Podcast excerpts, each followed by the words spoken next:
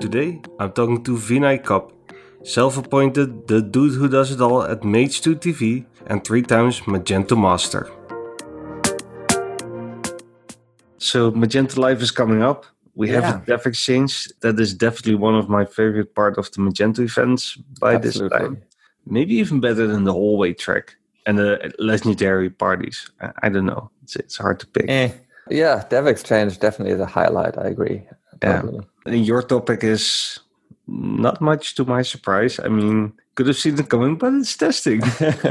well, I tried doing a few other topics over the last couple of events, and interest just wasn't there. So I decided, oh, whatever. Testing is always an interesting topic. So testing, I think, has been especially six years ago, that was something we didn't do a lot in the Magento community, especially not, not unit testing or integration testing. Uh, Magento 2, of course, it really got introduced into the base stack of the setup, and it's been picking up. But where's that coming from? That's a good question.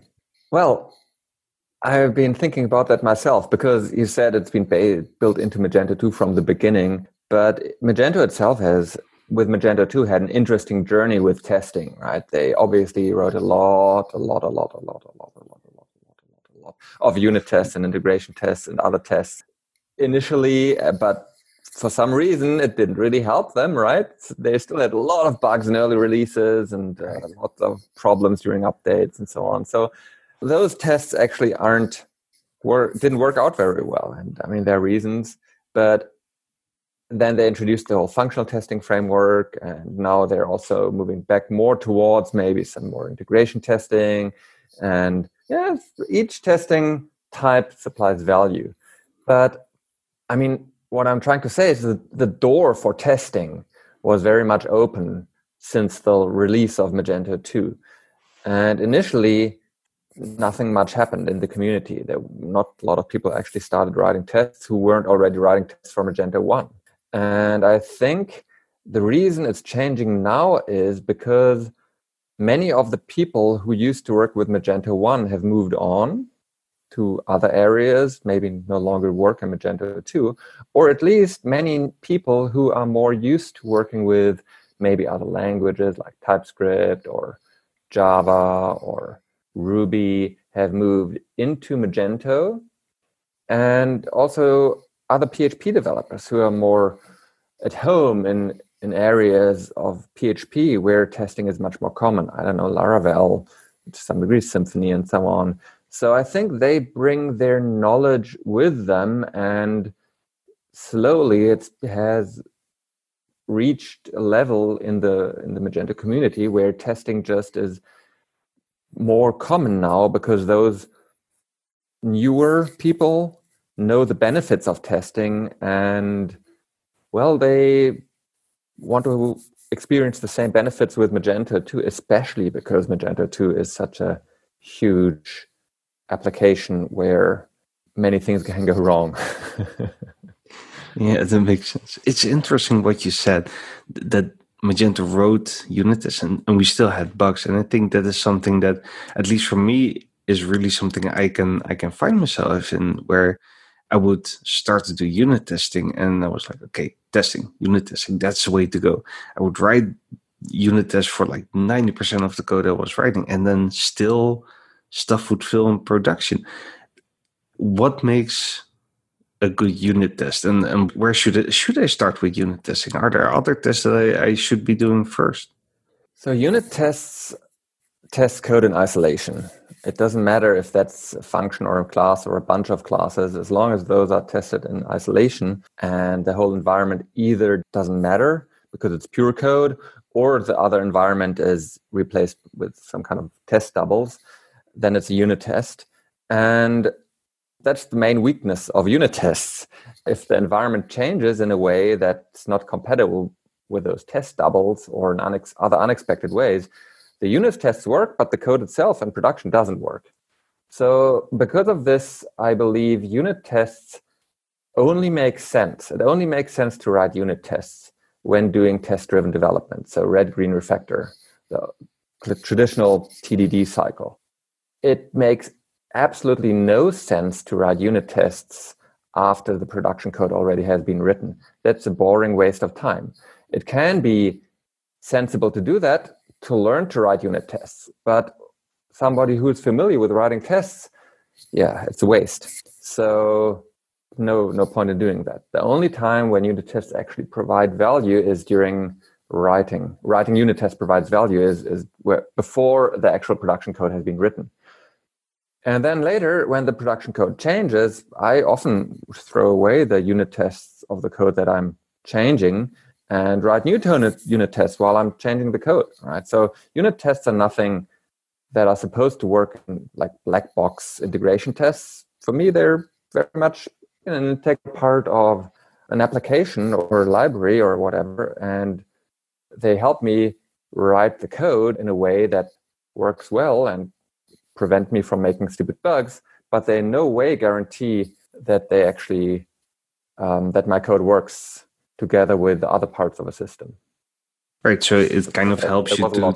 Yeah. yeah. no, but it, it makes sense. It, it, I guess it helps you to better think of what you're writing and then kind of test the assumptions that you're making, perhaps. And they might not have value six months from now as you are not changing the code and still maybe, running those in your pipeline, maybe. Maybe documentation tests. If I write a unit test and they work, it makes no sense to ever run those tests again.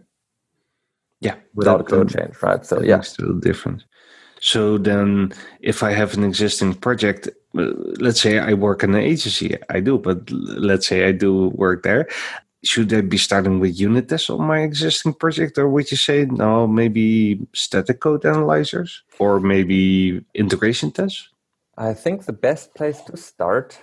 So, for a person, a developer who has previously, who's working, who knows how to code, who has developed habits, how he or she codes, and then needs to learn testing. The best place to start is integration testing because it's very close to the way of thinking most developers think anyway. With unit tests, it's a much bigger step because a developer needs to learn TDD and develop a habit of using TDD. And that changing habits isn't as easy. But integration tests provide a lot of value. They take a little longer to write, but over in long term they provide a heap of value, and um, they're essential. Need to be written anyway, regardless whether somebody does TDD or not. And I believe that's a good place to start. Yeah, and they can be introduced gradually. Like, uh, okay, I've got this bug here. Okay, now I first want to write a test and reproduce the bug, and then I fix the bug. And at first, it'll take a long time but that time gets shorter and shorter each time with each test that's been written. And that will also be an eye opening experience because some things are easily reproducible with a test, some bugs, and some others are very hard to reproduce with a test. So that is a nice introduction into what kind of code is more easy to test and what makes code hard to test, to write tests for. And that in turn will form how a new code might be written by that developer. It's, it's journey. Yeah. yeah, that makes sense. I mean, there's always an upfront investment, right, uh, with writing code. I think especially if you really get results from this and you show your colleagues around you the, the value of it, and you catch those first bugs, I think there there's where you get your team hooked on doing something like this. Most people who write a lot of tests that I've spoken with have had some kind of aha moment. So, for example, maybe they upgraded it to, to a new version of an API, and having tests for their code just saved them so much time, or they easily caught the changes where the new API version didn't match their expectation, for example. Or maybe, yeah, maybe they caught a bug of some other kind. So, some aha moment where uh, that really showcases okay, these tests even though it seemed like they didn't call, catch any bugs at first. Now, yeah, now they're very happy I have them. So, looking at Magento 2, we have unit testing. They have quite a number of, of static uh, code analyzers now, Mess Detector, for example, and there's the Magento uh, front-end testing framework. Which one of those for you gave the most value? Definitely integration tests. I do not run the core tests myself in in the projects that I work with. Like I said, I don't think they're very good examples for tests, at least the bulk of them, because they were written very early on, and every developer has to learn testing. That includes all the Magento developers. So yeah, probably they learned a lot about testing along the way too, and wouldn't write the tests the same way like they used to.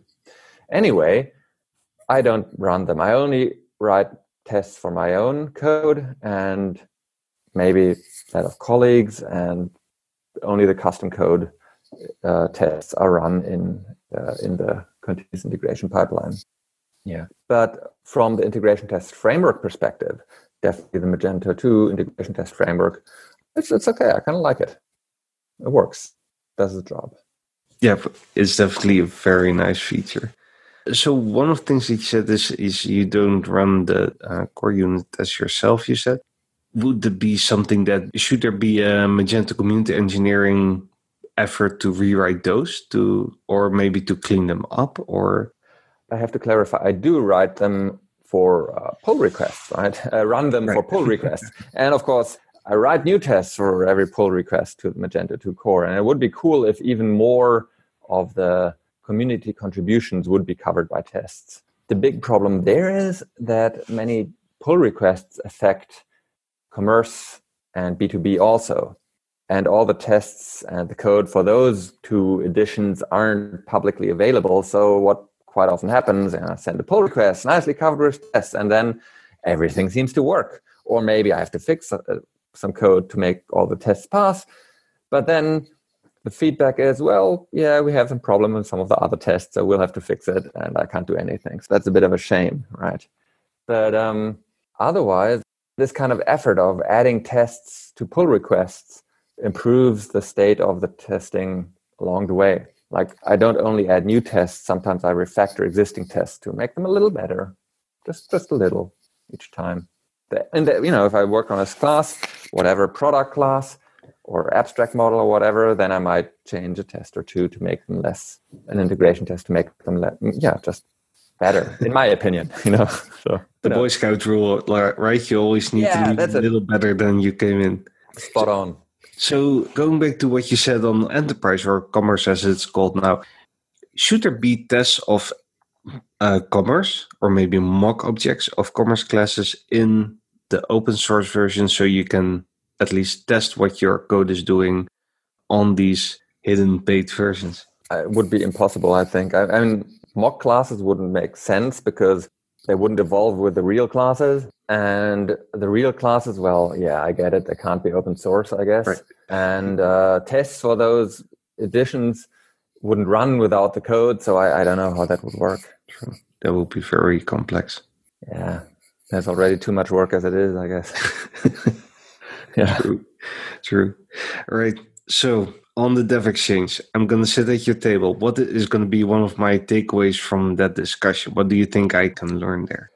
So I envision it as a discussion and sharing of experiences and ideas.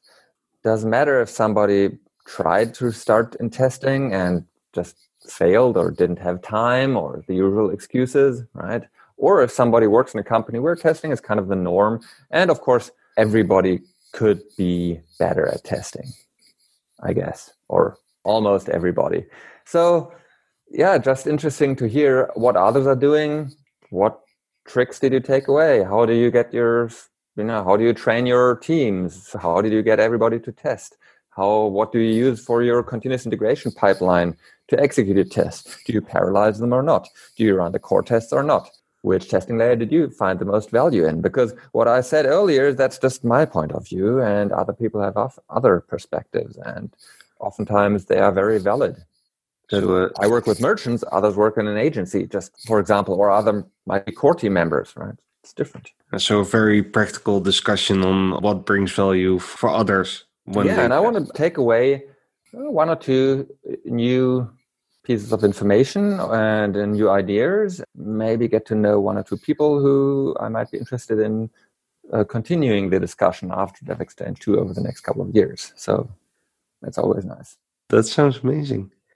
So Magento Live, it's around the corner. Uh, I'm definitely interested in your topic, uh, developer code testing. I'm going to vote for that one. Um, I really want to thank you for taking the time to talk to us. And thank you for having I me. will see you at Magento Live. Good seeing you and looking forward to seeing you in person.